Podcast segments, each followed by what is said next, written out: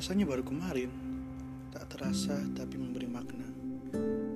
Di tengah dahaga kausan, memburu secerca harapan bangkit. Terasa lama mendalami kata bangkit, menyiapkan lebah yang hinggap di bunga. Bernostalgia pada masa yang tak mungkin diulang. Bersama sampah masa lalu yang berbekas. Mengasingkan dan berasing jalannya. Menjauh terus sampai kejauhan. Bersembunyi di perangkap bayang-bayang semu yang berjalan di tempat yang sama. Semua beralaskan jarak.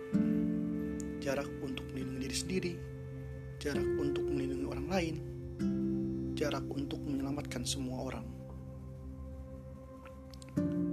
Jarak ini tidak ada yang tahu akhirnya seperti apa. Karena hidup semua penuh misteri dan penuh tanda tanya. Tapi badai pasti berlalu.